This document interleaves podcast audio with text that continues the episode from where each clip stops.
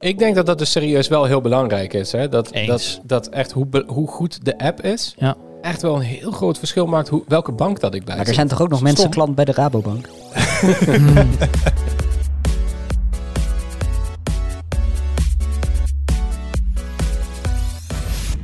Hoi, leuk dat je luistert. Welkom bij een nieuwe aflevering van de Tweakers Podcast. Mijn naam is Wout en vandaag zit ik in de podcast met Thomas Hofstenbach, Hoi. met Thijs Hofmans Hallo. En met een, eh, ik wou zeggen nieuwe stem, maar we kwamen erachter dat je een paar jaar geleden ook in de podcast hebt gezeten. Eén keer. Ma- Mark Hendrikman. Hallo. Eh, welkom, destijds nog als, eh, als freelancer verbonden aan Tweakers Ja, en sinds kort in, eh, in vaste dienst. Dus we hebben, er een, we hebben er een Mark bij op kantoor, hadden we het net ook al over. Ehm, er zijn van die namen Thomas, handig, hebben we er eentje van. Thijs, ook handig. En Wout hebben we er ook maar eentje van. Maar we hebben in het verleden meerdere Jeroenen gehad en Olafs. En Dat er meerdere Olafs zijn, vind ik nog steeds heel raar. Ja, Meerdere Marks, dat vind ik niet zo heel gek. Maar meerdere Olafs, ik bedoel, hoe vaak komt dat voor? dat weet ik niet. Is, is Olaf zo'n zo'n gekke naam? Ik, ik, ik, ken, ik ken de Olaf, onze oude chef. En ik ken de Count Olaf van eh, Series of Fortune Events. En verder niemand. er zit een eh, Olaf in Frozen. Dat, Oh ja, die sneeuwman, hè? Ja. Oké, nou vooruit. Dan ken ik drie Olafs. Dus En ik denk over dat- twintig jaar heel veel Olafs. Ja, precies. Maar anyway, welkom Mark. Dankjewel. Ehm, bij, de, bij de club nu, eh, nu vast. En we gaan je vast nog wat vaker in de podcast horen. We gaan het hebben vandaag over digitaal geld. En dan heb ik het niet dat mensen denken, eh, bitcoin, crypto. Nee, niet dat soort digitale geld. En ook niet, eh hey, ik kan contactloos betalen met mijn telefoon en mijn smartwatch. Ook niet dat soort digitaal geld. Maar over de digitale euro, daar is de Eu- Europese Centrale Bank aan aan het werk om dat de wereld in te krijgen. Maar hoe dat precies anders is, daar hebben we het zo over. Eerst de highlights. Thomas, wat was voor jou deze week het ding dat eruit sprong? Ja, ik kan het eindelijk zeggen. Ik, ik heb het ook gewoon letterlijk zo opgeschreven. Goedkope videokaart. We hebben het natuurlijk al heel vaak in de podcast gehad over tekorten en prijsstijgingen en allemaal andere ellende. Ehm, maar die zijn eigenlijk een beetje voorbij. Zo lijkt het wel bijna. Ehm, dit weekend hadden we een heel uitgebreid artikel over ehm, ja, de, de, hoe dat dan werkt in de, in de markt. Met dat er dan nu opeens van een tekort een overschot is gekomen. Hoe dat komt. Eh, nou, een beetje de, de TLDR daarvan is eh, omdat de vraag heel erg is weggezakt. Ehm, dat heeft heel veel oorzaken van, van de, de oorlog in Oekraïne tot Mining. mining, eh, crypto die ingezakt is. Natuurlijk over het algemeen een beetje gaan we richting recessie in de economie. Dat heeft er allemaal mee te maken. Eh, maar het betekent wel dat je een videokaart nu gewoon voor de adviesprijs of zelfs daaronder kunt kopen. Nou, dat hebben we heel lang niet kunnen zeggen. En geldt het voor, alle, voor beide kampen, zoals dat zo mooi zeggen, en alle modellen? Of zijn er bepaalde dingen die nog steeds stervensduur zijn? Dat is wel grappig, want het antwoord wat ik daarop zou geven is in de afgelopen paar dagen veranderd. Eh, dit weekend was het eigenlijk nog heel erg Nvidia en je zag ook dat zij heel erg aan het sturen waren. Eh, wat je bijvoorbeeld eh anderhalf week geleden ongeveer voorbij zag komen is dat ze dan een game bundle introduceerden. Dat betekent dus dat je als je een 3080 kocht, kreeg je daar drie of vier games bij. Eh, maar wat daar dus achter zit, is dat als je als winkel of als fabrikant mee wil doen aan die actie, dan moet je je op de achtergrond committeren aan bepaalde afspraken die niet zo publiek worden gecommuniceerd als die gratis games. Dus dat betekent bijvoorbeeld dat, eh, dat, dat eh, Nvidia dan gaat zitten en dan zeggen ze met, met zoveel woorden van, nou, als, wij doen er 50 euro eh, bij, eh, de, de fabrikant van de videokaart, hè, dus de Asus of de Gigabyte of de MSI, doet er 50 euro bij. Nou, jij als shop neemt ook genoegen met, met geen eh, marge, of als je nog oude voorraad hebt liggen, zelfs met een licht negatieve marge.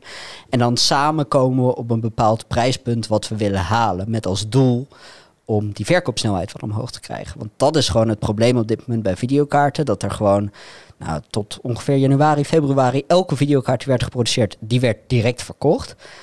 Ja, en die, die bestellingen waren daar natuurlijk ook op gebaseerd. Er werd eigenlijk zoveel als mogelijk geproduceerd.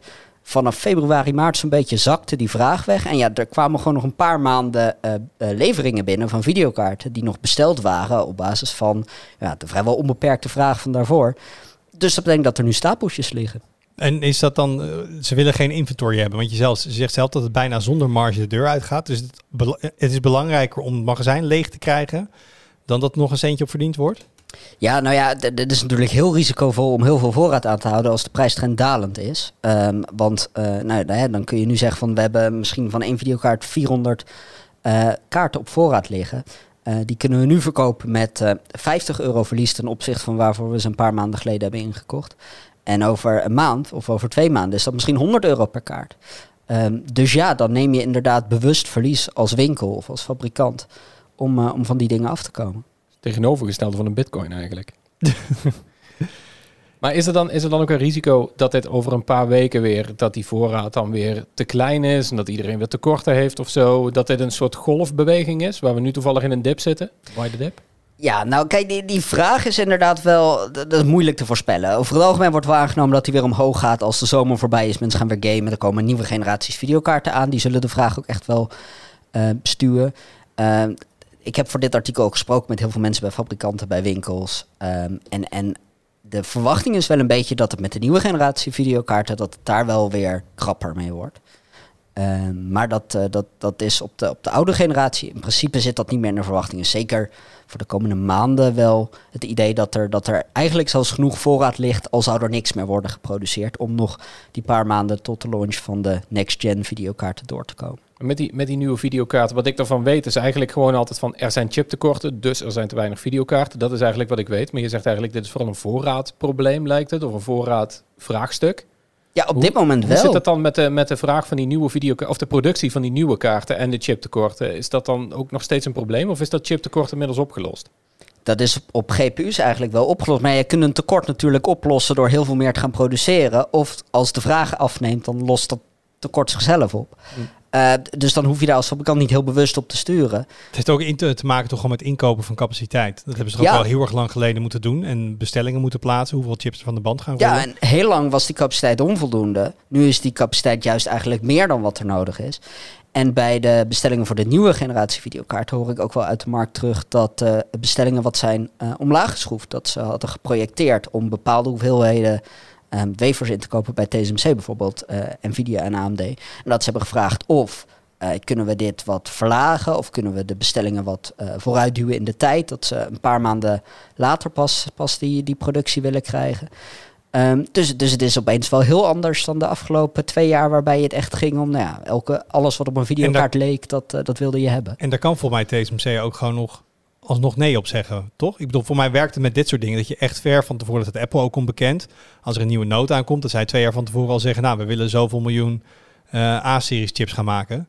Dus geef maar hier. En dan hebben ze een goede deal, maar hebben ze van tevoren hebben ze die, die, die, uh, die productiecapaciteit ingekocht. Maar dan kun je niet kort van tevoren zeggen, nee, we willen toch maar de helft maken of zo. Absoluut. Dat worden hele moeilijke discussies met TMC. En daarin heeft, daarin heeft TSMC wel gewoon de, de sterkere uitgangspositie. Want ze hebben op papier staan dat ze die dingen gaan kopen. En ja, als ze daarvan af willen, dan, uh, dan gaat TSMC daar ook dingen tegenover stellen, denk ik. Ja, maar je zegt dus, um, het is nu laag, lager dan we het ooit gezien hebben. Er komt een nieuwe generatie aan. Is dan voor mensen die nu luisteren en denken, hé, hey, ik zat al een tijdje op de wip. Is dit het moment om te kopen? Of zeg je, nee, je moet eigenlijk wachten. Want er komt iets nieuws aan en dan gaan die vorige generatie kaarten misschien wel nog verder naar beneden. Ik, ik vind hem lastig. Um, wat we heel lang zagen is dat mensen zeiden van... nou, die videokaarten zijn nu veel te duur. Als ik ze voor de adviesprijs kan krijgen, dan zou ik er direct eentje kopen. Nu zijn ze min of meer voor die adviesprijs te koop. Zien we eigenlijk ook als we zelf een polletje draaien op de frontpage... dat heel weinig mensen zeggen van... oké, dit vind ik nu goed genoeg om, om uh, overstag te gaan. Ik hou het nog wel even uit met mijn oude kaart... of ik wacht tot ze nog goedkoper worden. Um, er kan heel veel gebeuren. En uh, de reden waarom er nu opeens heel veel videokaarten zijn, is dus, zit dus echt aan de vraagkant, niet aan de aanbodkant. En die vraag kan veranderen uh, als mensen opeens massaal weer zin krijgen om een videokaart te kopen. Al is het omdat er een nieuwe toffe game verschijnt. Of, of dat, er, uh, dat die next gen dat die hele grote stappen brengt waar mensen echt door overtuigd worden. Ja, dan kan het zomaar weer de andere kant op schieten. En die, die productiekant, ja, daar kunnen ze wel een beetje op bijsturen. Maar ja, ze bouwen niet heel veel meer capaciteit dan wat ze nodig hebben. Um, want dat is gewoon heel erg duur en risicovol. Dus, dus ik, ik durf te zeggen dat in het high-end segment, dus als je echt kijkt naar 3080, 3080 Ti en bij AMD naar de 6900 en de 6800 reeksen, daar zit misschien nog wel wat ruimte in. Daar zouden we nog 50, 100 euro per kaart vanaf kunnen. Ik denk in het middensegment um, zijn sowieso die overschotten niet echt van toepassing. Daar is het aanbod dus meer afgestemd op de vraag. Um, die zie ik, die, die, die zitten nu nog iets boven de adviesprijs doorgaans die zie ik eigenlijk niet meer heel veel dalen. Ook omdat die next-gen kaarten hebben daar juist niet zoveel invloed omdat uh, nou ja, die, die uh, next-gen kaarten, dat begint natuurlijk straks dat met 4090, 4080. Ja. Dus eer dat een keer in het middensegment is aangekomen, ja, zijn we een half jaar verder. Ja, hey, maar dan ga ik gewoon mijn highlight hier aan vastkoppelen. Uh, want we zitten toch op het thema. En we hadden gisteren een, een, een nieuwsje, niet gewoon gerucht. Um, met eigenlijk de specs van de, de 4000-serie, de aankomende nieuwe kaart van Nvidia. En wat daarbij toch wel opviel, is dat er een, uh, een 4090 Ti tussen zat. En die zou een, um, ja, waar, we noemen het geen TDP meer, maar TBP. Total Board Power. Total dus dat is Board Power. inclusief de geheugenchipjes en, uh, en alles uh, van, erbij. Uh, en daar komt die 800 watt. Ja. 800 watt voor een videokaart. Dus mijn vraag aan jou is ten eerste, um, hè, het is een gerucht. Het is, we brengen niet zomaar elk gerucht. We kijken wel een beetje wat de bron is. Uh, hoe plausibel is dit? Uh, ja, inderdaad. Wat is hier aan het gebeuren? 800 watt voor een videokaart, dat is wel heel extreem.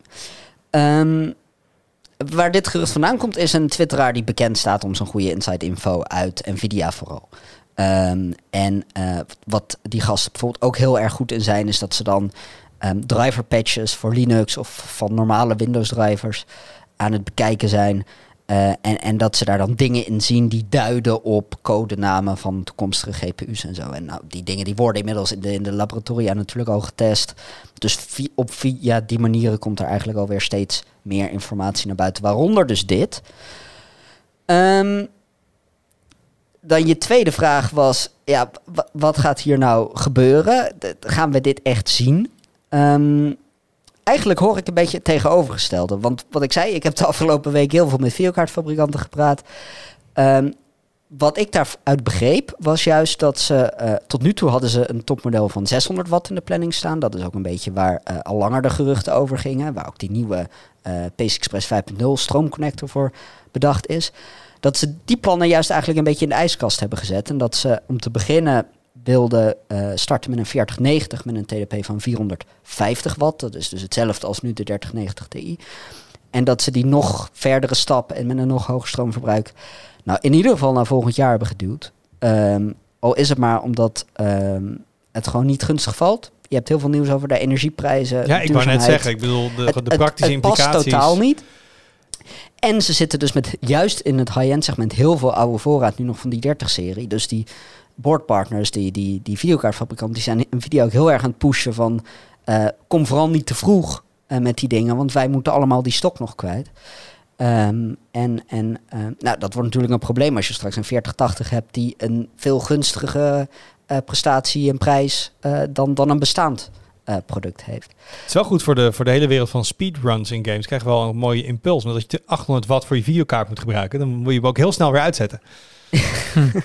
ja, inderdaad. Dan krijg je een, misschien een soort timer van je ouders van je mag nu 36 minuten gamen en dan is jouw stroombudget ja, voor Precies. Op. Of je, vroeger moest ik ook voor de tikken van het internet betalen en dan werd ook altijd een beetje bijgehouden. Ja. En zegt dit ook nog iets over uh, de verwachte warmteproductie van zo'n kaart? Ja, de, de warmte wordt eigenlijk één op één omgezet. Of, of energie wordt eigenlijk één op één omgezet in warmte. Bij, bij, een, bij, een, bij een computerchip, hoe, dus ook bij een Hoe zou je 800 watt moeten afvoeren op een videokaart? Wat, wat is het, het, het um, hoogste TPP wat wij tot nu toe... 450 watt voor die 3090 Ti. bijna en daar het... zie je al echt al vier slots videokaart met drie fans en ruim 30 Maar centimeter. dan zou het lang. gewoon, gewoon met, een, met een custom waterkoelset geleverd moeten worden of zo, toch? Ja. Of kun je dit met lucht nog koelen, denk je? Daar wou ik eigenlijk een beetje naartoe. Ik denk niet dat dit een consumentenmodel is. Um, we hebben natuurlijk gezien dat uh, Nvidia um, uh, tegenwoordig ook heel veel erg inzet op datacenter en server en high performance computing. Uh, ik denk dat je in dat soort gespecialiseerde omgevingen, waar je bijvoorbeeld inderdaad gewoon letterlijk waterkoeling beschikbaar hebt in je racks, dat je gewoon een slang in de muur kunt doen en, en daar heb je gewoon uh, waterkoeling voor je server staan. Uh, of, van die dingen die dan passief worden gekoeld, koelblok hebben, maar dan wel super um, efficiënte, super hard draaiende fans recht van voren op dat serverrack heb staan. Daar zie ik een 800 watt TDP nog enigszins plausibel in. Maar in een normale desktop computerkast krijg je dit echt niet gekoeld. Uh, dus je, misschien kunnen we deze kaart alleen maar huren via GeForce Now. Daar zou hij bijvoorbeeld wel voor bedoeld kunnen zijn. Ja, want, want Nvidia maakt niet alleen maar serverchips voor anderen, maar natuurlijk ook voor hun eigen datacentra, waar ze onder andere GeForce Now, de, de, de cloud streamingdienst, uh, um, ja, hosten. Dus ja, en de, op zich de rest van de line-up, zoals gerucht was, de, de, voor mij stond de 4, uh, de 4080 stond gewoon voor 450 watt in de lijst. Dus dat is eigenlijk nou, het zit meer in de, in de orde van grootte die we, die we kennen. Ja, wat nog steeds natuurlijk heel hoog is. En als je ook ziet dat de rest van de line-up dan mee gaat opschuiven. Dat je een 3070 of een 4070 krijgt die, nou, wat zal die dan verbruiken? 400 watt. 4, 4, 420 of zo stond er. Ja. Ja, als, als ik dit lijstje zie, zou ik ze allemaal eentje naar beneden verplaatsen. Dan denk ik, dan denk ik 450 gaat voor een 4090, eh 420 voor een 4080. Ik, ik, denk dat, ik, ik denk dat dit gerucht misschien... Die chips die bestaan wel, maar zeg maar de koppeling tussen de modelnamen en de chips... Die, die geloof ik hier nog niet helemaal in. Ehm, maar ja, uiteindelijk moeten we ook gewoon kijken wat, wat Nvidia gaat doen. En eh, stel ze vinden het echt super belangrijk om die prestatiekroon te claimen met hun nieuwe serie. En daar hebben ze een chip voor nodig die 800 watt trekt.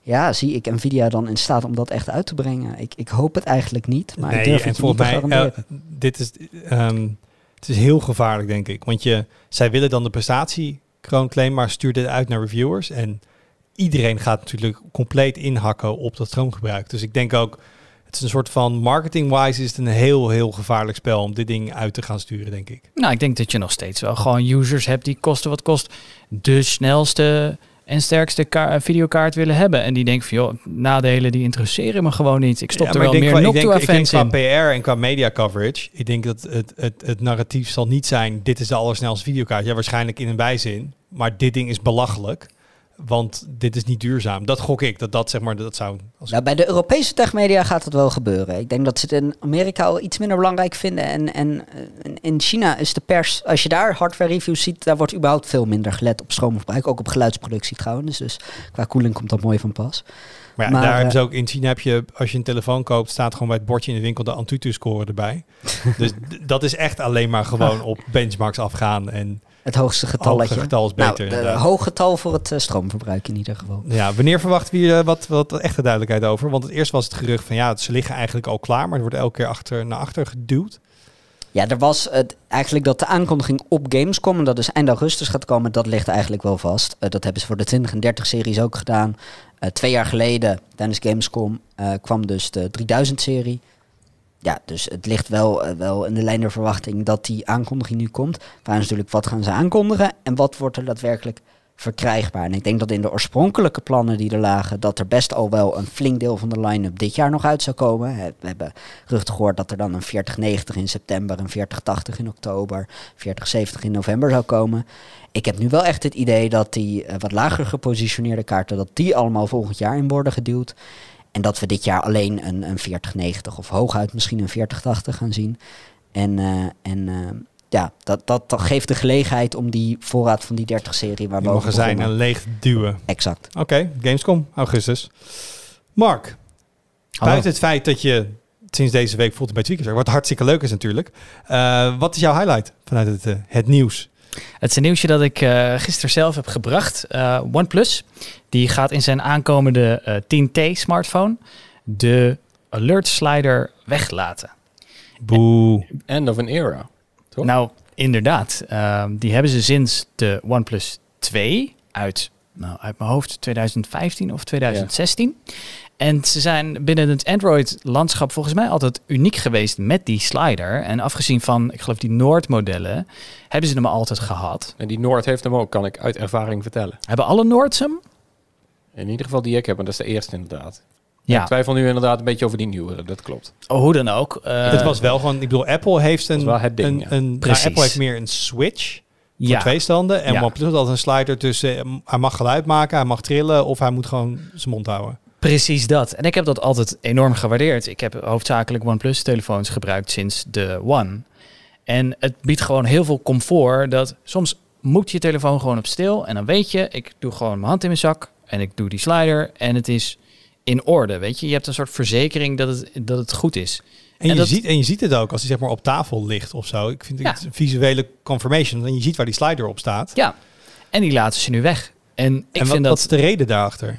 eh, ze willen ruimte aan de binnenkant besparen. Ja. Ik geloof dat het iets van 30 vierkante millimeter ik hoor- ik hoor- elke keer Ik is hoor dat... zo'n 3,5 mm jack ja, verhaal hier. ja, nou ja, Ja, oké. ja, ik ga het niet doen, ja. want die discussie is al helemaal kapot geslagen natuurlijk. Maar ik vind het altijd zo'n bullshit argument om gewoon hardwarefuncties weg te halen. Om die ruimtebesparing... Ik heb niet het idee Ja. dat die ruimtebesparing ooit ook maar iets oplevert waarvan ik zeg van... Nou, ik ben blij dat ze dat gedaan hebben. Ja, Met die vijf minuten langer dat ik kan doen met mijn batterij. Nou, precies. En dat is helemaal niet iets unieks vergeleken met die alert slider. Dus persoonlijk ben ik er ook ontzettend op tegen. Daarom, Eh, ga weg. Dus, dus Ja, ja, ik vind het echt heel stom. Ja, ja, OnePlus, ga Maar weg. dat is toch ook wel van, dat is natuurlijk ook een beetje waar je heen wilde met deze highlight. Maar OnePlus, ik, ik was zo'n fan van die OnePlus One. Dat was echt het merk. Hè. Niet Ik heb alleen de om die mijne nog. Oh, ja, jongens, ik ook inderdaad. Ja, Waarom, waarom zijn er niet meer Sandstone telefoons? Het heeft superveel grip. precies. Het, het ging niet stuk. Je zag er fantastisch geen model. krassen op. Maar het is gewoon alles wat OnePlus destijds zo leuk maakte. Inderdaad, de prijs. En, en, en als je hem openmaakte, dan zat er zo'n rode batterij in. Die Precies, accu was helemaal ja. rood. Allemaal dat soort details. Dat maakte het zo'n leuk, leuk merk. Dat was echt gewoon... En, ze het waren was- heel custom ROM vriendelijk Ja, ook. Dat, is ook afgenomen. goeie- en inderdaad met minimalistische erop. Android erop, al dat soort dingen. Ja, het- ja. En al die dingen die OnePlus ooit zo goed maakt, die zijn allemaal weg. Ja. Allemaal. Ja, sinds ze dichter bij moederbedrijf Oppo zijn gaan staan wat betreft gewoon de, de hardware Ja. en de software, eh, wordt de bootloader unlocken ook eh, bemoeilijkt. Dus maar ik denk dat ook is misschien, ik denk ook sinds, ik denk dat ze een beetje ehm, slachtoffer zijn van hun eigen succes. Want toen het natuurlijk eerst uitkwam, was het de tweaker-telefoon. Hè? Want je ging niet iemand een OnePlus geven, er staat CyanogenMod op en dat soort dingen. En hè, de dingen die je tof maakte, vonden wij tof. Ehm, maar ik weet wel nog een paar jaar geleden dat ik bij mijn schoonvader was. En die zei, ja, moet een nieuwe telefoon. Ik heb, ik heb van OnePlus gehoord. Is dat wat? dacht ik, maar wacht even, je bent helemaal niet de doelgroep voor Nee, OnePlus. inderdaad. Dus ik denk op een gegeven moment dat ze succesvoller zijn geworden, meer telefoons zijn gaan verkopen. En dan denk ik, oh wacht even, wij zijn niet meer een merk voor de niche liefhebber, voor alleen de nerd, want nu moeten we ook een groter publiek aanspreken. Oké, dan moeten we dus gaan nadenken over Ja, maar andere dingen. buiten dat het, dat het een telefoon voor nerds was, was het toch ook gewoon... Het had vroeger zo die goede pri- prijs-kwaliteit verhouding. die je zijn kreeg toen weg. echt de absoluut beste specs voor, voor de helft van wat een, eh, wat een Galaxy eh, topmodel kostte. Ja. En dat, dat maakte het ook zo goed. En dat werd steeds een stukje minder. Maar nu Maar is ik zelfs, weet ook zelfs niet dat was... of, hè, ze zit natuurlijk vanuit het moederbedrijf, het maar ophoudt allemaal van BKK. Misschien is het wel gesubsidieerd de eerste twee jaar. Misschien zei het, we gaan zo agressief in de markt zetten. Hier verdienen we helemaal geen geld op. We gaan eerst marktendeel pakken. En dan gaan we langzaam de... pre- Dat kan wel, omdat het niet natuurlijk een merk op zich was. was onderdeel van een groter bedrijf. Ja, dat kan. Daar stond ik destijds toen ik die telefoons had niet zo bij stil nog. Maar ja, dat zou dat, kunnen. dat zie je ook vaak nu, hè, dat er eerst gewoon stap 1 is marktaandeel. En dan ga je wel eens kijken hoe je het geld verdient. Ja, disruption Ehm, model, ja. Ja, en dat, dat, dat is wat ze nu doen. Maar Maar er is- is eigenlijk, dat we het ook over, het is ook een soort nieuwe OnePlus. Nou ja, je zou kunnen zeggen dat het een soort cyclus is, waarbij een, een nieuw merk inderdaad toetreedt en dan de OnePlus rol, om het zo maar te noemen, op zich neemt. En dat is nu, lijkt het Nothing te zijn, waar ook eh marketing manager Carl P. gewoon achter zit, hè, ex-OnePlus. En eh, ik heb me zitten verdiepen in die telefoon. En dat geeft gewoon heel erg een OnePlus vibe af. Het heeft echt die beetje die, die nieuwigheid en die, en die tweaker georiënteerdheid van die, van die achterkant met die ledlampjes. Dus ik zit heel serieus. Ik voel me nu een beetje een soort Android wees. Want ik was van Team OnePlus. Maar dat wil ik nu niet meer. Ik ben er klaar mee. Slider mee. Ja, Ja, ik heb hetzelfde. Dus ik zit te kijken naar ehm, een Pixel. Maar ook naar eh, eh, deze nieuwe telefoon van Nothing. En eh, de prijs is best gunstig. De support is ontzettend lang. Eh, als je nu die Nothing Phone 1 koopt, dan heb je even lang support als dat je nu een Pixel 6 koopt. Dat vind ik een hartstikke goede deal. Ja, Alleen, en die maar hij telefoon kost helemaal niet de zoveel. originele OnePlus ehm prijs-prestatieverhouding. Want ik bedoel, die, die Nothing Nee, is klopt. dan qua, er zit wel een mid-range chip in. En, en Ja. misschien is dan een, een Pixel 6a-achtige constructie voor jou. Die Die, dat, uitkomt. dat is zeker ook een kandidaat, inderdaad. Ja, dan heb je toch mid-range, high-end SoC. Ehm, ja, misschien wel. Maar ja, Ah, eh, Pixels, dat zijn toch die telefoons die wil je het eerste half jaar eigenlijk niet gebruiken, toch? Totdat er genoeg Ja. software-updates zijn Ja, geweest. ik moet dus zeggen, ik ben al, eh, dus, eh ja, misschien ben ik extreem biased, ik weet het niet. Maar wat vooral met die pixels, nee, maar wat het vooral met die pixels is, voor mij is dat gewoon het heel inconsistent. Ik lees dan op, op de subreddit lees ik problemen die ik dan ook echt daadwerkelijk echt gewoon niet tegenkom. En die andere mensen geloof ik ook helemaal dat zij ze wel tegenkomen. Zij weten gewoon dat jij Wout Funnekotter van Tweakers bent. Die sturen jou echt geen defect model op, hoor. Dan zeggen ze, Mhm. oh jongens, kom op, even beter opletten op... Dit eh, ding is gewoon met Zou eigen, handjes uit de mediamarkt in Duitsland Dus, geplukt. oké. Maar misschien als ik inlog met mijn Google-account dat ik dan de, de, ja, dat je beste op een lijstje beeld. staat bij Google. Maar ik denk zo, wel ja. dat hun grootste probleem is, is quality control. Eh, zowel hardware als software. Dat er gewoon af en toe gekke edge cases zijn bij die pixels. Dat er dus inderdaad, want je leest wel gewoon online best wel Best wat wel je zegt, veel, ja. wat Thomas zegt van die softwareproblemen.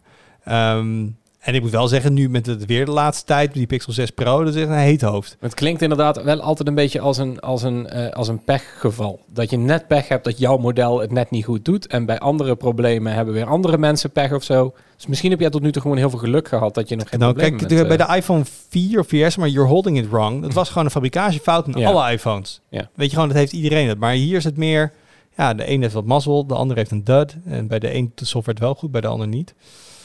Dus, ehm, maar de, de 6A is onderweg naar de, de buurrelen van de redactie in het testlab. Dus eh, Ik ga even spieken. we, gaan het, eh, we gaan het zien. Thijs tot slot.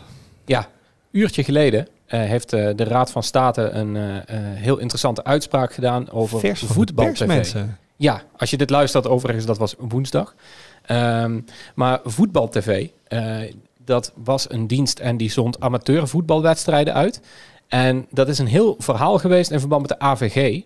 En er is nu eindelijk, na jaren steggelen, is daar een uitspraak over. Die eigenlijk is, eh, ja, die zou gaan inslaan als een bom, had iedereen gedacht. En dat is totaal niet gebeurd.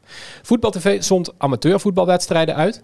En eh, begon daar in 2018 mee. En dan vrij snel daarna kwam de autoriteit persoonsgegevens naar ze toe. En die zei, wacht eventjes, eh, die beelden, dat, daar staan ook kinderen op en zo. Je mag die Oh, niet zomaar jee. op internet uitzenden.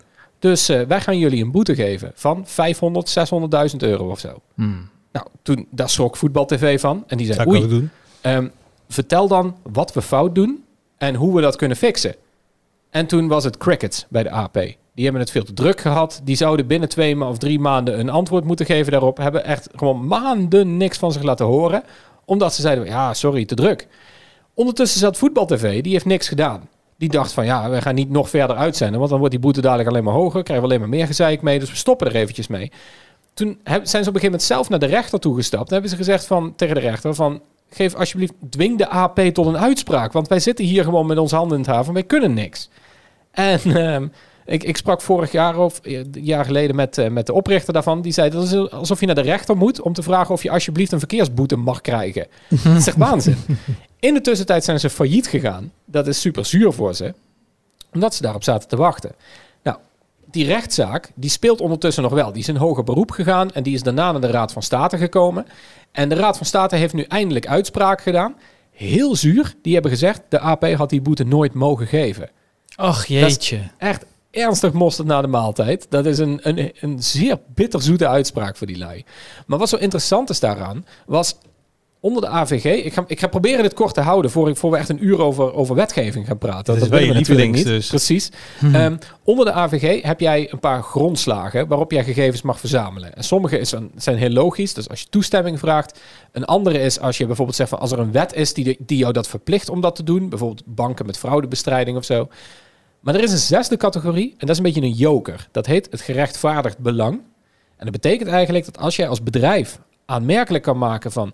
Ik, heb, ik moet gegevens verzamelen van mensen omdat ik anders mijn bedrijf niet kan runnen. Dat bedrijf gaat anders failliet. Dan is dat een gerechtvaardigd belang. En de vraag bij Voetbal TV is altijd geweest... Mag jij zeggen, ik verdien geld hieraan, dus mag ik dat doen? Dus als jij winst maakt met gegevens verzamelen, dan zegt het bedrijf, dan zeggen heel veel bedrijven van als ik er winst mee eh, maak, dan moet ik als bedrijf kunnen zeggen, dan is dat mijn belang. Mijn belang is Het, winst onderdeel, maken. het is onderdeel Ja, van mijn businessmodel. precies, ja. En de autoriteit persoonsgegevens heeft altijd gezegd, absoluut niet. Je mag nooit zeggen, winst maken is mijn doel en daarom mag het. Dat klinkt misschien best wel logisch, maar er zijn heel veel mensen, waaronder juristen, maar ook de Europese Commissie. En die hebben altijd gezegd van nee, nee, dat is helemaal niet de bedoeling.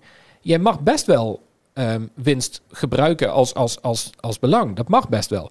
Mits jij aan hele strenge voorwaarden voldoet. Je moet minimaal aantal data gaan verzamelen. Je moet niet die beelden gaan uitzenden van Voetbal TV en dan ook nog eens gezichtsherkenning daarop toepassen en ook nog eens eh, BSN-nummers daarbij gaan verzamelen. Of wat voor. Dat mag niet, want dat is niet nodig.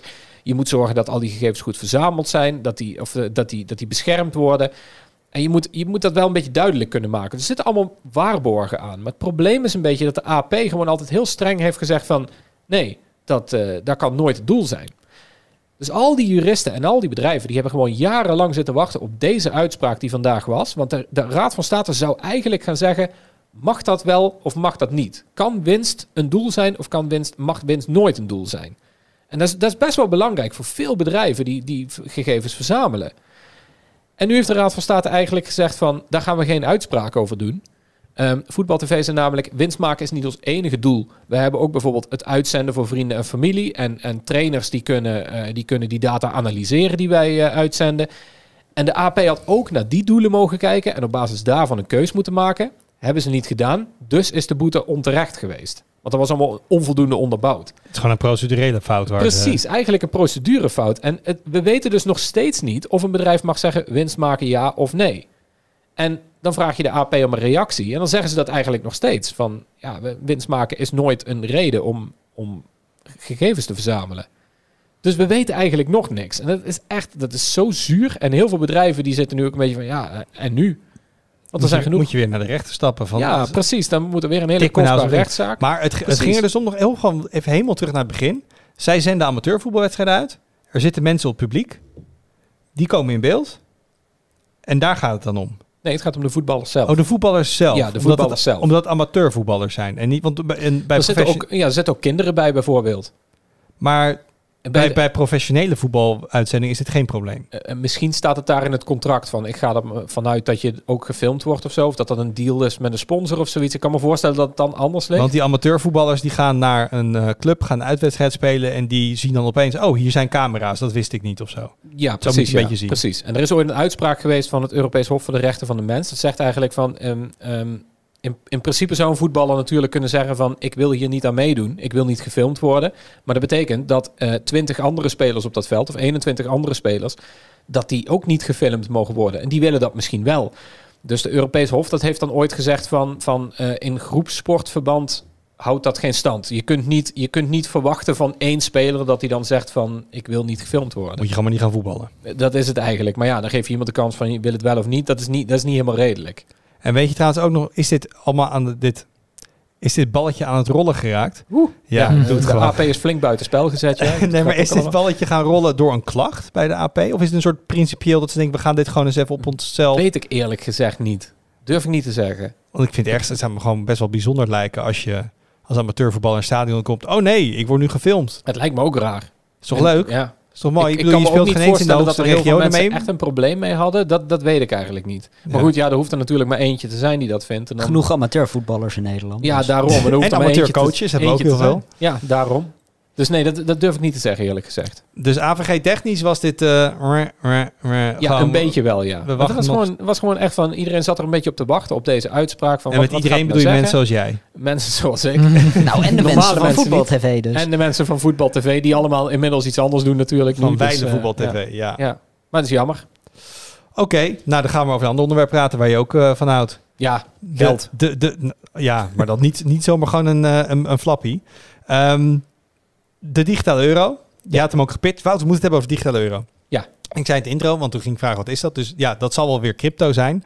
Maar dat is het niet. Nee. Wat is het wel? Ehm, de Europese Centrale Bank die heeft een plan opgepakt om een, eh, een digitale versie van de euro te maken. En ehm, ehm, het, ja, het is een beetje lastig om dat, om dat uit te leggen. Ehm, het, het, Dan ze moet zijn je in niet ieder geval, voor de podcast. Nee, ze zijn in ieder geval bezig nu met een, eh, met een project daarvan om, eh, om, om de, de nationale of de internationale munt die we nu hebben, om die te digitaliseren als tegenhanger van, van cashgeld. Er zijn nu een paar proeven aan de gang en ze hebben nu een internetconsultatie geopend of gesloten zelfs. En daarvan hebben ze geconcludeerd van we gaan daarmee door. En Nederland die heeft nu gezegd van wij zetten daar ook volop in. Wij ondersteunen dat project heel erg met de volgende voorwaarden. En daar zijn ze dus mee bezig. Is het net zoals de cash tegenhanger dan ook... Kunnen we er anoniem mee betalen? Ehm, Want dat is nog altijd het ding van Dat cash. is een beetje lastig. Kijk, wat het is. ehm, want je denkt natuurlijk van, ik, ik heb een appje van de ING, van de Rabobank, daar, daar staat ook geld op. Is dat dan niet digitaal? Want hoeveel cash heb je nog in huis? Nou, een paar tientjes misschien. Ehm, maar er is dus een verschil, eventjes omkleed met de disclaimer, ik ben geen econoom. Dus, eh, maar er is een verschil tussen wat er op jouw rekening staat, dat noemen we giraal geld. Mhm. En je hebt cashgeld, dat is chartaal geld. Ja. En wat giraal geld eigenlijk is, is niks anders dan een schuld die de bank heeft tegenover jou. En vervolgens staat de, de centrale bank, die staat daar weer garant voor. En dat moet je eigenlijk een beetje. Je, je kunt deze digitale euro dus eigenlijk zien als, als een tegenhanger van dat chartalen van dat cashgeld. En dus niet van die schulden die die banken met elkaar hebben. Dat Hmm. is eigenlijk het verschil. Maar wat, wat is het? Ja, ehm, digitaal geld. Laat ik zeggen, waar staat het, als ik het heb, waar staat het opgeslagen? Het hoeft niet bij een bank te staan dan per se dus. Niet per se. Het idee is een beetje dat de Europese Centrale Bank, die eh, maakt nu, nu maken ze heel veel gebruik van eh, gewone banken. Dus de ING, dus commerciële banken eigenlijk, die jouw geld voor jou bewaren. Ehm, en dat staat dus eigenlijk op een soort schuldenbalans. Maar als de, de ECB dat zelf uitgeeft, dan geven zij dus zelf een soort digitaal geld uit. En dan komt dat, ja, je komt dat waarschijnlijk op een rekening te staan die jij dan kunt hebben bij de ECB zelf.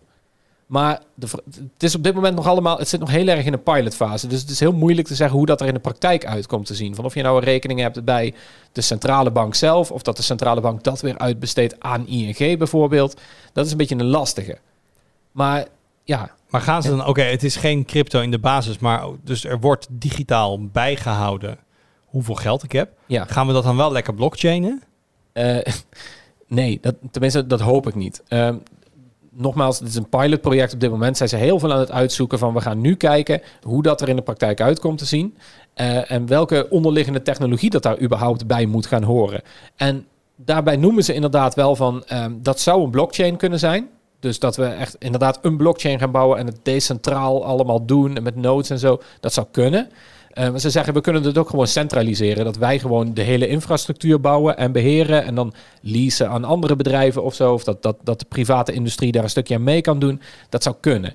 Ik, ik denk niet dat als je nu nog anno 2022 gaat kijken... is een blockchain wel geschikt voor grootschalige transacties? Ik kan me niet voorstellen dat je dan terechtkomt op het antwoord... nou, dat is een prima idee. Dat lijkt me niet. Met zoveel betalingen die er in Europa zouden worden gedaan. Dat, eh, dat niet, nee. Maar ze weten dus nog niet wat het is. Ze weten nog niet hoe het technisch gaat werken. Maar ze weten wel, ja, hier moeten we verder mee. Dit moet er komen. Wa- Wat is dan Ja. het doel, het doel wat hiermee nagestreefd wordt? Ja, het, het doel is een beetje, kijk, er wordt steeds minder ehm, betaald met cash. En dat is, eh, dat is een beetje een probleem voor een centrale bank. Want als het alleen nog maar schulden heeft via andere banken, dan verlies jij als centrale bank een beetje jouw grip op de gelduitgifte. En met cashgeld kun je dat nog een klein beetje stimuleren. Maar als dat helemaal verdwijnt, dan lukt dat een stuk minder. Dus wat ze eigenlijk willen is dat, zij, dat een centrale bank iets meer, ehm, iets meer invloed heeft direct op het geld. En een centrale bank heeft natuurlijk één belangrijk instrument om dat te doen. En dat is de rente. Alleen als een bank nu een rente, of als de ECB nu de rente wil verhogen, ehm, dat zie je nu wel wat er dan gebeurt, is dat ze dan, dan moeten ze gaan, dat, dan zeggen ze dat en dat duurt het heel lang voordat commerciële banken en hypotheekverstrekkers dat allemaal over gaan nemen en zo. En bij negatieve rentes, wat ook een effectief instrument kan zijn voor een, voor een bank, ehm, is dat helemaal moeilijk. Want een bank die gaat echt niet zo snel negatieve rente geven. Er moet heel veel voor gebeuren. En de bank zegt eigenlijk van, wat nou als we dat gewoon direct wel kunnen doen? Dus als jij dadelijk eh, 1000 euro op je rekening hebt staan... en wij gaan vanaf morgen negatieve rente heffen... in de hoop dat jij lekker gaat spenderen, omdat het je anders geld kost... dan is dat heel effectief om dat meteen te doen. Voor, voor burgers zelf. Dat is een beetje het doel ervan. Maar als ik het zo enigszins begrijp, en ik denk dat ik dat doe, dan zeg je het huidige probleem heeft vooral te maken met hoe het achter de schermen is geregeld met zo'n schuldensysteem. Dus het zou heel goed kunnen dat zo'n digitale munt en een digitale rekening en digitaal betalen voor mij als consument, als eindgebruiker er vrijwel hetzelfde uitziet als Ja. mijn huidige app van de ABN AMRO en contactloos betalen. Dat zou best wel eens kunnen, ja. Dat dus voor mij is het gewoon, ik open een ander soort rekening eh, bij een ander soort bank. Alleen het is dat achter de schermen en conceptueel dat het dus heel anders werkt. Ja, dat, dat zou inderdaad kunnen, ja. Dus je zou kunnen zeggen van in de praktijk heb ik daar heel weinig last van. Maar van de andere kant moet je bedenken hoe belangrijk het is dat, ehm, dat wij... De, de vraag die straks opkomt, en dit is ook een belangrijk onderdeel waarom de ECB dit wil doen, is die zien de macht van zowel cryptovaluta aan de ene kant, ehm, als grote techbedrijven aan de andere kant, zoals Google, Apple, die allemaal hun eigen wallets aan het maken zijn. En straks dan is het de vraag van waar stal jij je geld nog? Want nu is het vrij logisch dat wij dat inderdaad bij ING doen. We weten niet beter. Maar er komen steeds meer tussenpartijen bij. En dat zijn commerciële bedrijven die veel slechter gereguleerd zijn, of veel minder gereguleerd, laat ik het zo zeggen. Je kunt, je kunt grote bedrijven veel minder goed reguleren. Om over de crypto-industrie helemaal maar niet te spreken. Die is helemaal ongereguleerd. En die bank is een beetje bang dat in de toekomst dit soort bedrijven heel groot gaan worden. En dan wordt het voor ons aan tafel bijvoorbeeld, wordt het dan de vraag van waar gaan we ons geld eigenlijk stallen? Zetten we dat bij een commerciële bank neer of zetten we dat bij een bedrijf neer, zoals Google, wat we misschien ja, ook wel wat veel toffere producten uitbrengt bijvoorbeeld. Dat is een beetje de vraag. En de ECB zegt nu eigenlijk van, wij proberen het te stimuleren dat je dat eigenlijk bij ons houdt, want wij zijn een vertrouwde partij.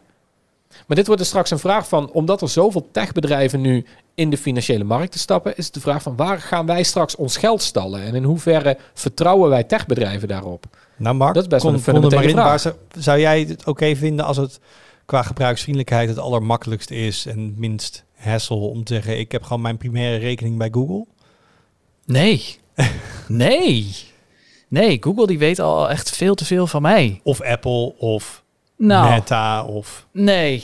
Nee, dat, dat zou ik niet willen. Ik ben, ik ben een voorstander van een beetje eh, de macht die die bedrijven over jou hebben, om die een beetje te verspreiden over verschillende bedrijven. Dus ik ben ook afgestapt van Gmail naar ProtonMail, bijvoorbeeld, wat overigens niet makkelijk was. Dus nee, ik zou niet, ik zou niet mijn geld willen stallen bij Google. Absoluut niet. Nee.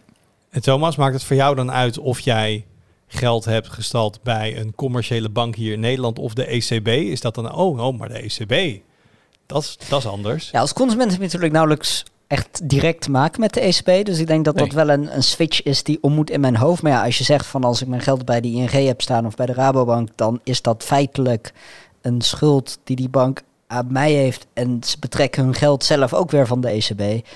Ja, dan, dan is het in de praktijk is het verschil dus niet zo groot. Alleen dan. eh, dan, dan, dan, dan, Dan is het eh, gewoon wie de beste app heeft. Ja, nou ja, moet je daar nou van af laten hangen? Ik denk dat het ook ik een denk enorme... dat dat dus serieus wel heel belangrijk is. Hè? Dat, Eens. dat, dat echt hoe, hoe goed de app is, Ja. echt wel een heel groot verschil maakt hoe, welke bank dat ik bij Maar er zijn toch ook nog Stom. mensen klant bij de Rabobank? Ja, het zijn allemaal boeren, toch? Ja, ja ik, ik, ik, ik denk dat het wel. Ik denk dat het sowieso, als, als we van dat hele digitaliseren van banken één ding geleerd hebben, is dat men, het heel lastig is voor veel mensen om over te stappen van bank. Ja. Je ziet natuurlijk dat de drie grote banken, dat die nog altijd ja, de, de, ja, bijna monopolist zijn. Dat heel veel kleine bankjes ook vooral klein blijven.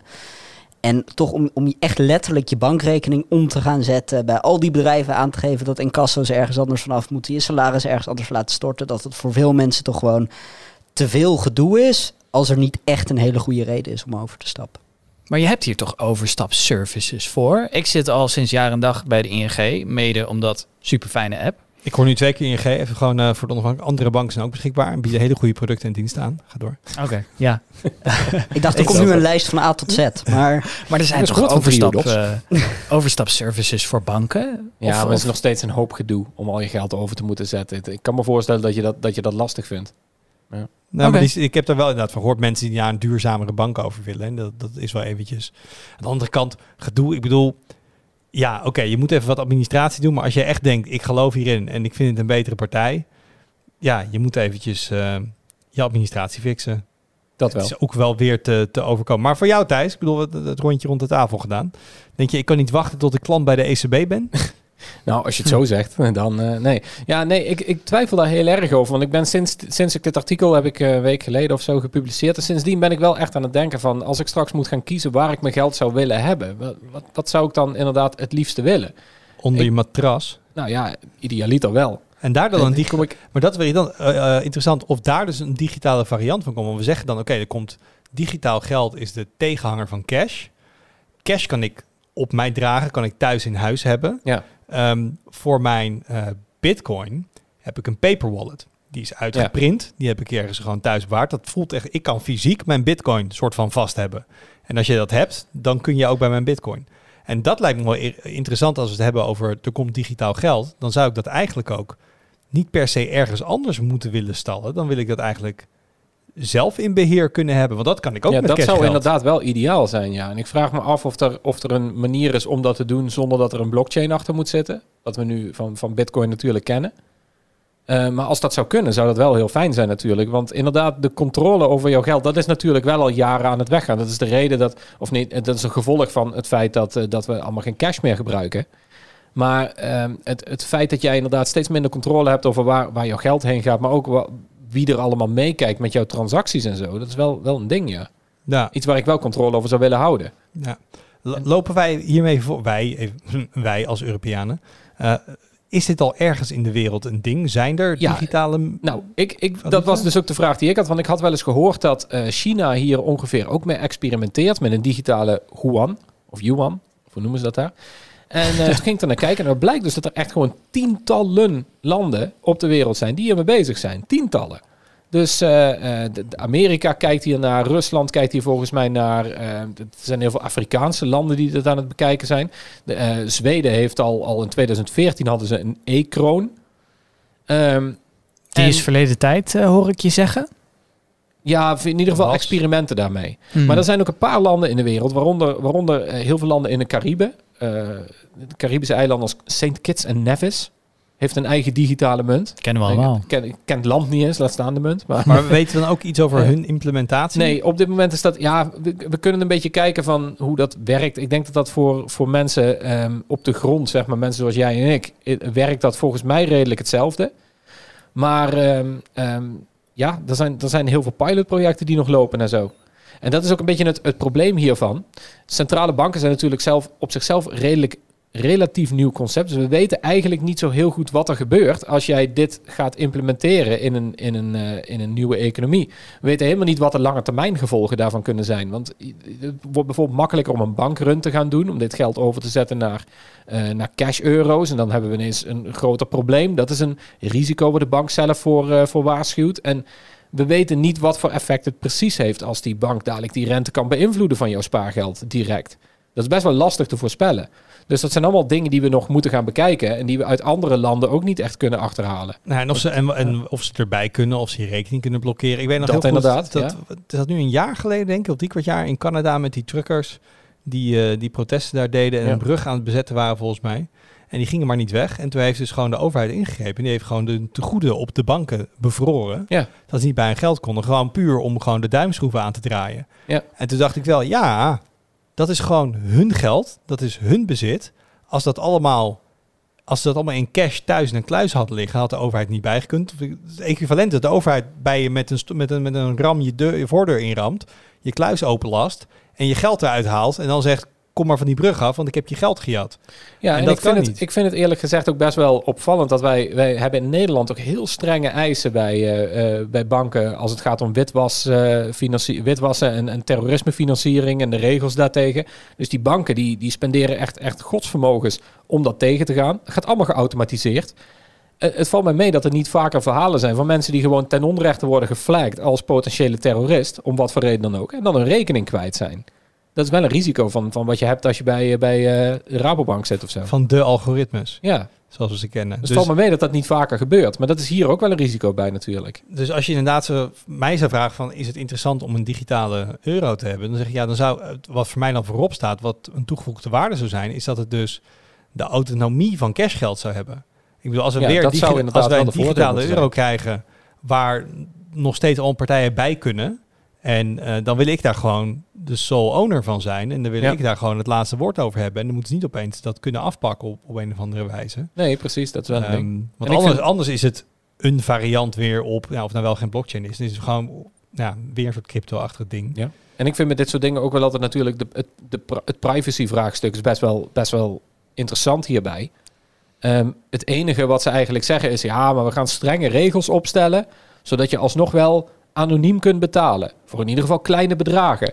Maar ja, buiten wat verklaringen is er niet echt een reden om dat, eh, ja, Dit voelt een beetje als zo'n... eh, eh, nemen- Dus de privacy is gewaarborgd. ja, we nemen uw privacy serieus Ja. en het daarbij laten. Mhm. Dat klinkt hier ook wel een beetje bij. ja. Maar minister Ja. Kaag van Financiën die heeft al in een brief geschreven van de Kamer van ja, wij steunen dit initiatief, want dat is economisch is dat allemaal heel slim.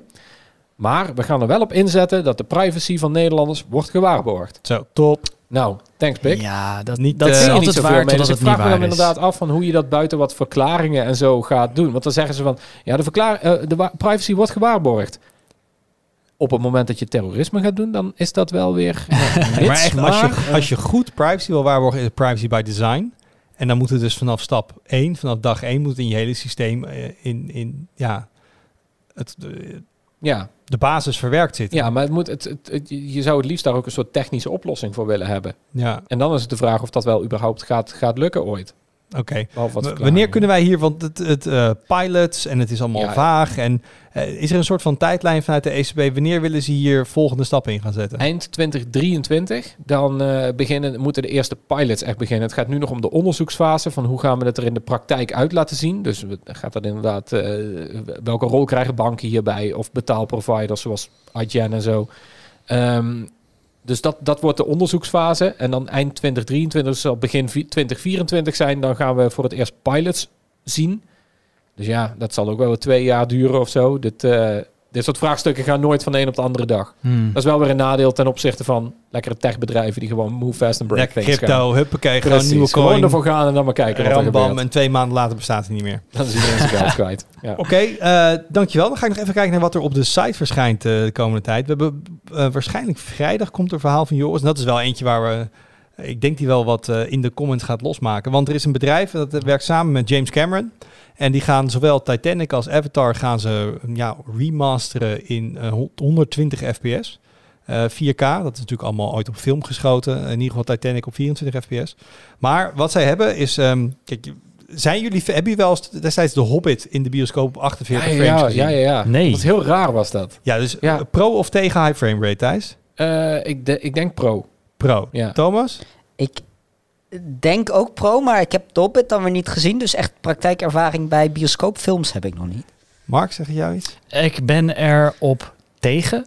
Ik ben daarin best wel een purist. Aan de andere kant hoor ik ook genoeg van mensen die wennen aan high frame rate en dan ook niet meer terug willen. Dus Nou, eigenlijk het- sta ik daar het, open Het in. grappige is dat dit bedrijf claimt dat eh, films worden opgenomen met 24 beelden per seconde traditioneel met een 180 graden sluiter. Dan krijg je een bepaalde mate van motion blur en dat geeft dan een cinematic effect.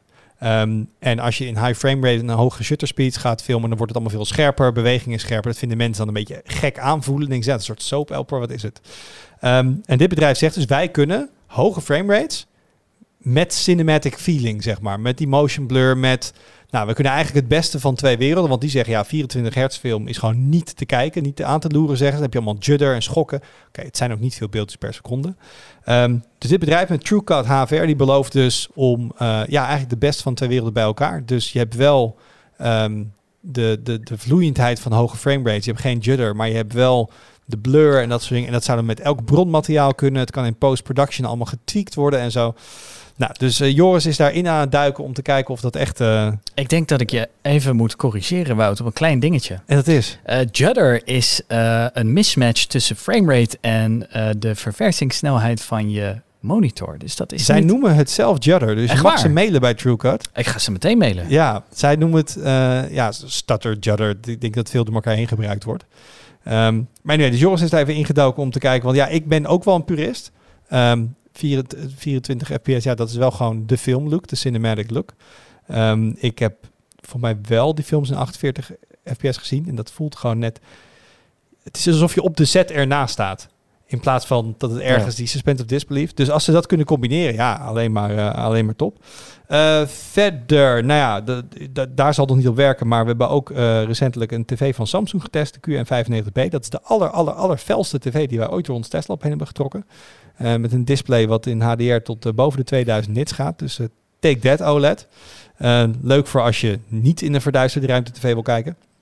Dus die review, komt online. En we zitten gewoon lekker in de beeldschermen. Want Willem had nog een achtergrondje geschreven over uh, welke beeldschermtypen zijn er eigenlijk en waar verschillen al die panelen uh, allemaal in. Dus als je nou into beeldschermen bent en, en beeldtechnologie, dan is tweakers de komende dagen helemaal tof. Vind je dat nou helemaal niks? Dan moet je alsnog gaan tweakers checken. Maar dan uh, misschien meer op het nieuws focussen, lekker de podcast luisteren en, en de video's kijken. Um, ik ga zo afronden een tijd ja, Misschien nog heel kort dingetje even. Ik heb ook in de podcast gezegd dat wij een um, uh, paar weken geleden begonnen zijn met een nieuwe stijl van video's maken. Uh, nou, dat is niet onopgemerkt gegaan. Uh, trouwens, bedankt voor iedereen die daar leuke reacties over achterlaat. Uh, ook iedereen die mij becomplimenteerd heeft met mijn baard, dankjewel. Dat leek ook echt een ding te zijn in de comments. Um, terecht. Ja, ja. dankjewel. dankjewel. Het is ook terecht. Uh, maar een paar mensen zijn af en toe van... Jezus, ga je, ga je ook om likes vragen en comments? Waarom doe je dat nou? Dat vonden ze jammer. Nou, wilde ik gewoon nog heel even op ingaan. Uh, waarom we dat doen, want we hebben ook een discussie over gehad. Van ja, gaan we dat nou ook doen? Uh, en wat het gewoon heel simpel is, als je op YouTube publiceert, wat wij doen, dat is ons videoplatform, daar zitten we op. Uh, daar heb je het YouTube-algoritme. En als je wil groeien, als je nieuwe mensen wil bereiken, wat wij natuurlijk ook willen, wij willen ook allemaal nieuwe tweakers bereiken, misschien ook wel jongere tweakers, eh, dan is het wel belangrijk dat het algoritme ook jou een beetje oppikt. Nou, waar kijkt van YouTube? Dat is wel een black box, maar we weten waar kijkt het naar. Nou, worden jouw video's goed bekeken? Maar ook is er interactie met jouw video's? Ehm, dus is er inderdaad, wordt er veel commentaar geleverd, wordt er veel geliked, worden er andere interactieve dingen omgedaan. En we zien gewoon dat als wij inderdaad mensen een, een video echt een vraag stellen, ehm, met hun mening aan de vragen, waar ik ook vaak ook echt naar benieuwd ben, dat mensen dan eerder geneigd zijn om dan ook die discussie te voeren. Nou, we vinden het ook belangrijk dat we zelf ook aanwezig zijn. Dus ik probeer dan ook zelf te reageren daarin. Uh, maar abonneren op het kanaal ook. Um, dus het heeft voor ons gewoon heel veel waarde als, we de, nou, als er interactiviteit rondom de video's in het kanaal is. En dat helpt ons weer zeg maar, om, om onze video's verder uit te bouwen. Uh, dus ik snap als mensen zeggen, ik vind het een beetje cringy. Um, het is niet omdat we zo nodig zeggen, we willen net als al andere YouTubers zijn of zo. We vinden het cool, maar het heeft daadwerkelijk een nut. En daarom hebben wij gekozen om het wel te doen. Dus um, ik hoop dat je daardoor alsnog gaat liken en subscriben nu ik dat uitgelegd heb. Ja, toch? Omdat het werkt is eigenlijk gewoon het antwoord. Ja, omdat het werkt. En dat is de reden dat, dat wij het doen. Ja, mij heb je overtuigd. Ik ga abonneren op Tweakers. Dus, uh, wait, wait, wait. Jij was nog niet geabonneerd op het Tweakers kanaal? Dat doe ik voor de podcast. Oké. Okay. Um, dan ga ik hem hier afronden. Dankjewel jongens. Uh, dankjewel voor het luisteren. Of dus op YouTube voor het kijken, als je daar zit te kijken.